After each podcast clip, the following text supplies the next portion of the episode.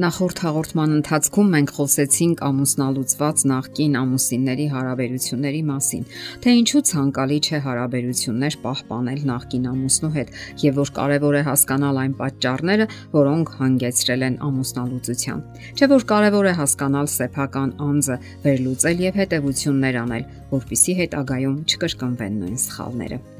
Շատ կարևոր է ամուսնալուծությունից հետո չընկնել հորետեսության գիրկը։ Կանայք հատկապես ծանր են տանում այդ պահերը եւ կարծես չարանում են կյանքի վրա։ Նրանք վհատվում են եւ անընդհատ կրկնում, որ կյանքն անհետաքրքիր է, իսկ բոլոր տղամարդիկ չար են ու անհասկացող։ Նույնիսկ ավելի վատ բառերով են որակում նրանց, սակայն բոլոր դեպքերում հարկավոր է սթափ եւ կշռադատված մոտենալ իրավիճակին, պահպանել խաղաղությունը եւ պատրաստվել հետագա կյանքին։ Հասկանալի է, որ դա լուրջ սթրես է, սակայն կարիք էլ չկա անընդհատ փորփրել հիշողությունը եւ ապրել հուշերով։ Պարզ է մի բան, որ ինչպես ժողովրդական ասացվածքն է ասում, թանկ արժեք մետաղ գտնելու համար հարկավոր է խոր փորել։ Այդպես էլ դուք պետք է ավելի խոր մտածեիք։ Ահա թե ինչու ոչ թե ատելությամբ համակվեք կյանքի կամ մարդկանց հանդեպ, այլ մտածեք ինչպես բարձրացնել ձեր սոցիալական կարգավիճակը Մտածեք ինչպես վաստակել ձեր հանապազորյա հացը։ Նոր մասնագիտություն սովորեք, իսկ եթե ունեք մասնագիտություն, ապա վերապատրաստվեք։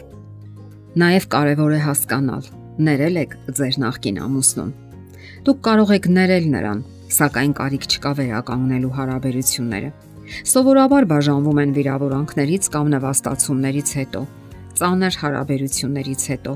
անգամ երբ տեղի են ունեցել բռնության դեպքեր Այդ ամենը ջնջել հիշողությունից դուք չեք կարող, եթե միայն ուղեղի ճակատային հատվածի վիրահատության չեք ենթարկվել, սակայն ներել կարող եք։ Մենք հիշում ենք անգամ դպրոցական տարիներին ստացած վիրավորանքները, ամեն տեսակի անիմաստ մանրուքներ։ Իսկ ինչպես կարող ենք մոռանալ մեր կյանքի համար այնքան կարևոր այդ իրադարձությունը, ամուսնալուծությունը եւ անցած հարաբերությունների ցավերն ու դառնությունները։ Գոյություն ունեն դասագրքային հասկացություններ, հասկանալ, ներել, ընդունել։ Շատերը մեջբերում են ավետարանական հորդորը՝ ներել։ Դա գեղեցիկ է, սակայն այդպես հաճախ ասում են այն մարդիկ, ովքեր այդ գիրքն անգամ չեն կարդացել։ Այդ դեպքում մենք կարող ենք մեջբերել մեկ այլ հատված հենց Աստվածաշնչից։ Եթե մի մարդ իր կնոջն արցակի եւ նա հեռանա նրանից եւ ուրիշ մարդու հետ ամուսնանա, միթե մարդը կրկին նրա մոտ կվերադառնա։ Այս ամենը հասկանալի է, սակայն հարկավոր է գործի դնել ինքնապաշտպանական մեխանիզմները։ Իսկ միգուցե հասկանաք, ներեք եւ ընդունեք ձեզ։ Դուք այդքան լավ եք ճանաչում ձեզ։ Հարկավոր է ընդունել ու հասկանալ նոր կյանքը, ընդունել այն փաստը, որ դուք համապատասխան չէիք միմյանց եւ ինչ որտեղ համակարգային սխալ է տեղի ունեցել։ Իսկ ինչի մասին մտածել։ Մտածեք, թե որքան հրաշալի է առանց վիրավորանքների, նվաստացումների ու ատելության մեր հանդեպ նայնք արարքների ու բռնությունների կյանքը։ Եվ հենց սկսեք ճպտալ, հավատալ մարդկանց ու կյանքին, կարող եք մտածել այն նոր անznավորության մասին, ով կարող է գեղեցկացնել ձեր կյանքը։ Իհարկե կան մարդիկ, ովքեր այնուամենայնիվ կարողանում են շփվել նախկինի հետ, սակայն դրանք բացառություններ են։ Նրանք կամ շփվում են նյութական շահերից ելնելով, կամ միայն իրենց հայտնի պատճառներով։ Օրինակ հոգեբաններն ասում են, որ տղամարդիկ շարունակում են շփվել սեռական հարաբերության ակնկալիքով։ Հաճախ ասում են, ինչպես կարելի է մոռանալ միասին անցկացրած տարիները։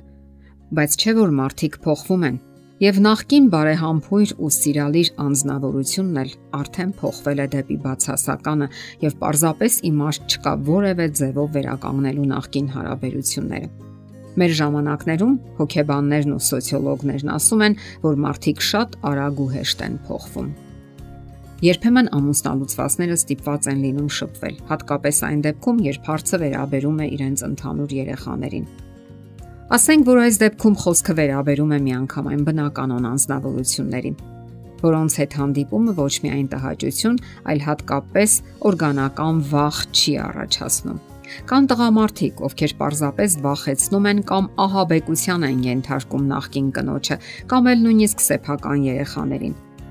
Այս եւ նման այլ դեպքերում հարկավոր է շփվել պարզապես փաստաբանի կամ հարազատի ներկայությամբ, կամ էլ նույնիսկ ոստիկանությունում, եւ դրանում ոչ մի ամոթ բան չկա։ Առաջին գայթակարը սովորաբար լինում են դրամական հարցերը եւ հոր հանդիպումը երեխայի հետ։ Ալիմենտը հատկապես կարող է տարաձայնությունների պատճառ լինել։ Քիչ թե շատ բնականon տղամարդու համար նման հարց չպետք է գոյություն ունենա եւ նա պարտավոր է հոգալ սեփական երեխայի մասին։ Սակայն երբեմն ոմանք հրաժարվում են վճարել երեխայի հանապազորյա հացի համար անհրաժեշտ գումարը։ Ահա թե ինչու է պետությունը միջամտում եւ պարտավորեցնում տղամարդուն վճարել երեխայի հասանելիքը։ Այս հարցը հարկավոր է լուծել օրինական իրավաբանական կարգով ընդ որում պետք չէ վստահել սիրազեղուն բանավոր հավաստիացումներին եւ խոստումներին, որովհետեւ տղամարդիկ հազար ու մի պատճառներ են գտնում, որ ուշացնեն կամ էլ նույնիսկ ընդհանրապես հրաժարվեն երեխայի կյանքի համար անհրաժեշտ գումարը վճարելուց։ Նաև հիշենք, որ գումարները հաշվարկվում են օրինական աշխատավարձերից, որոնք հաճախ չնչին կոպեկներ են կազմում։ Ահա թե ինչու ընդհանուր առմամբ ամեն ինչ կախված է նրանից, թե ինչպիսի մարդու հետ գործ ունեք դուք։ Ինչ էլ լինի, ապրեք ձեր կյանքը, փորձեք գեղեցկացնել այն, որքանով կարող եք, թող ոչ մեկից կախված չլինի ձեր երջանկությունը։ Եթերում ընտանիք հաղորդաշարներ։ Հարցերի եւ առաջարկությունների համար զանգահարել 033 87 87 87 հեռախոսահամարով։